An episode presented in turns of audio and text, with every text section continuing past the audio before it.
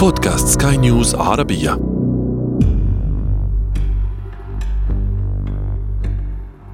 اثنان لواحد أو مدنيان مقابل كل مقاتل.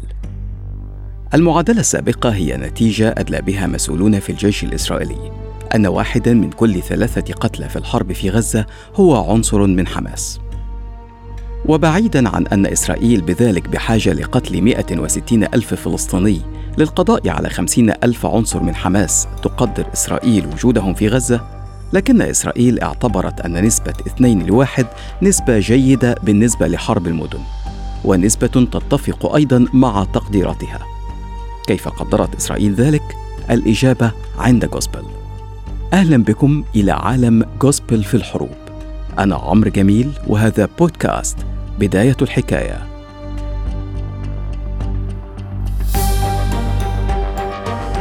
بداية الحكاية.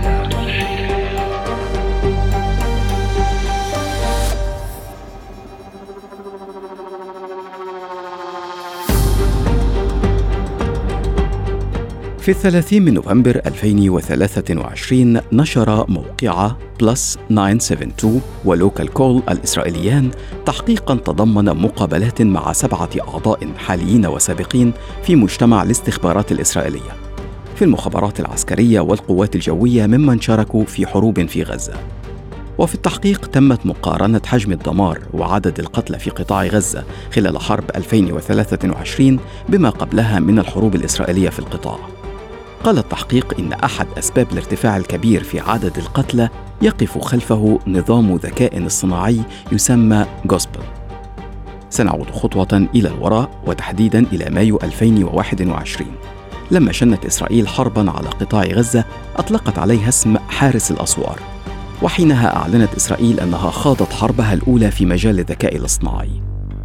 ومع أن الإعلان لم يحمل في البداية تفاصيل كثيرة لكن بعدها نشر موقع جيروزاليم بوست الإسرائيلي تفاصيل مهمة منها أن وحدة استخبارات متخصصة في الرموز والخوارزميات تسمى الوحدة 8200 استخدمت الذكاء الاصطناعي في جمع البيانات.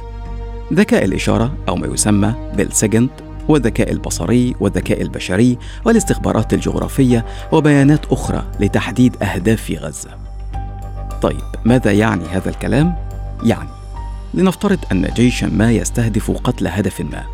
ستكون المهمة الأولى للاستخبارات بمتابعة هذا الشخص ومراقبة تحركاته وتحديد موقعه ثم نقل المعلومات إلى وحدات التنفيذ التي ستقوم باستهدافه. وكلما قلت المعلومات المتاحة عن الهدف أصبح استهدافه أصعب. ولو أن هذا الشخص موجود في محيط مزدحم فسيكون استهداف هذا الشخص ليس صعبا فقط وإنما ستخلف العملية أضرارا جانبية كثيرة أيضا وغالبا لا يمكن للاستخبارات تقديرها بدقة. لكن إسرائيل تستخدم برنامج جوسبل وغيره لتوليد معلومات لا يمكن للذكاء البشري توليدها ومعالجتها بنفس الوقت والدقة. قبل اندلاع حرب 2021 جمع الجيش الإسرائيلي وعلى مدى عامين معلومات عن آلاف الأهداف في قطاع غزة. أهداف بشرية ومادية. وتم إدخالها لبرامج الذكاء الاصطناعي التي تغذيها أيضا الأقمار الصناعية بمعلومات آنية حول شكل الجغرافيا في القطاع. وهنا إذا رصد الذكاء الاصطناعي أي تغيير في جغرافيا مكان معين يحلل إمكانية ما إذا كان ذلك التغيير تم لأهداف عسكرية.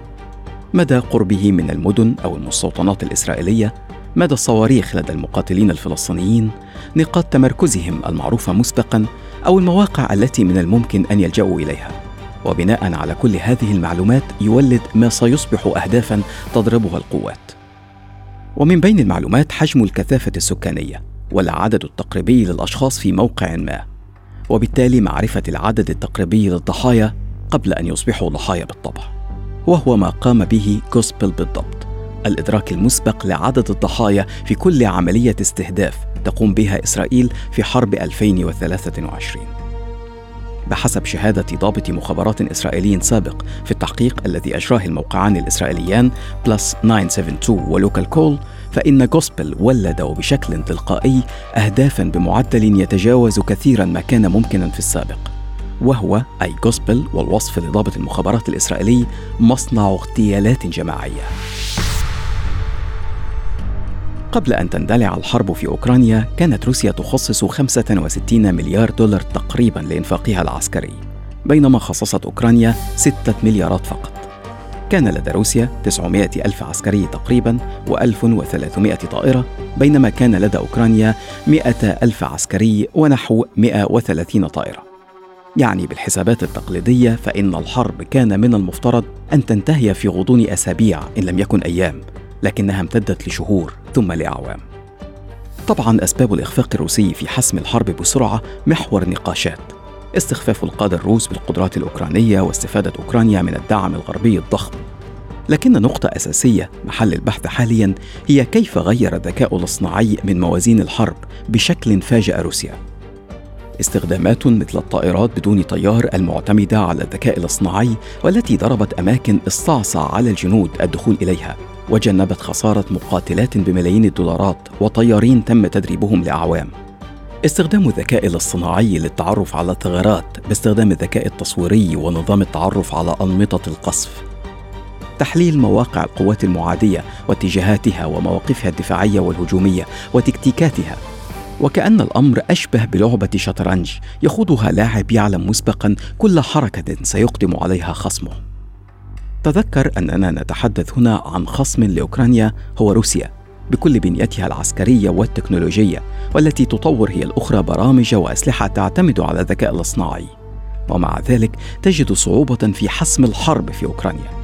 يعني المسألة لم تعد فقط في تطوير ذكاء اصطناعي بل تطوير ذكاء قادر على التغلب على ذكاء خصمك لو أنك مستمر في الاستماع حتى الآن ولو أنك لم تفقد تركيزك خلال الحلقة فأنت تعلم الآن أن المسألة كلها تدور حول البيانات. بيانات الأفراد والأشياء والمواقع والجغرافيا بيانات كل شيء. وتطويع ذلك وقت الحاجة عسكريا لضرب أفراد أو منشآت أو بنية تحتية أو مراكز قيادة. والتي ستمثل الحد الفاصل في تفوق أي طرف على طرف آخر. وبمناسبة الحد الفاصل أدعوكم لسماع بودكاست حد فاصل من إنتاج سكاي نيوز عربية والذي يقدمه زميلي رامي حسن ويتناول فيه في كل حلقة حكايات فريدة عن دول وشعوب العالم. المهم أن البيانات كما نقول ستمثل ثروة استراتيجيا وعسكريا.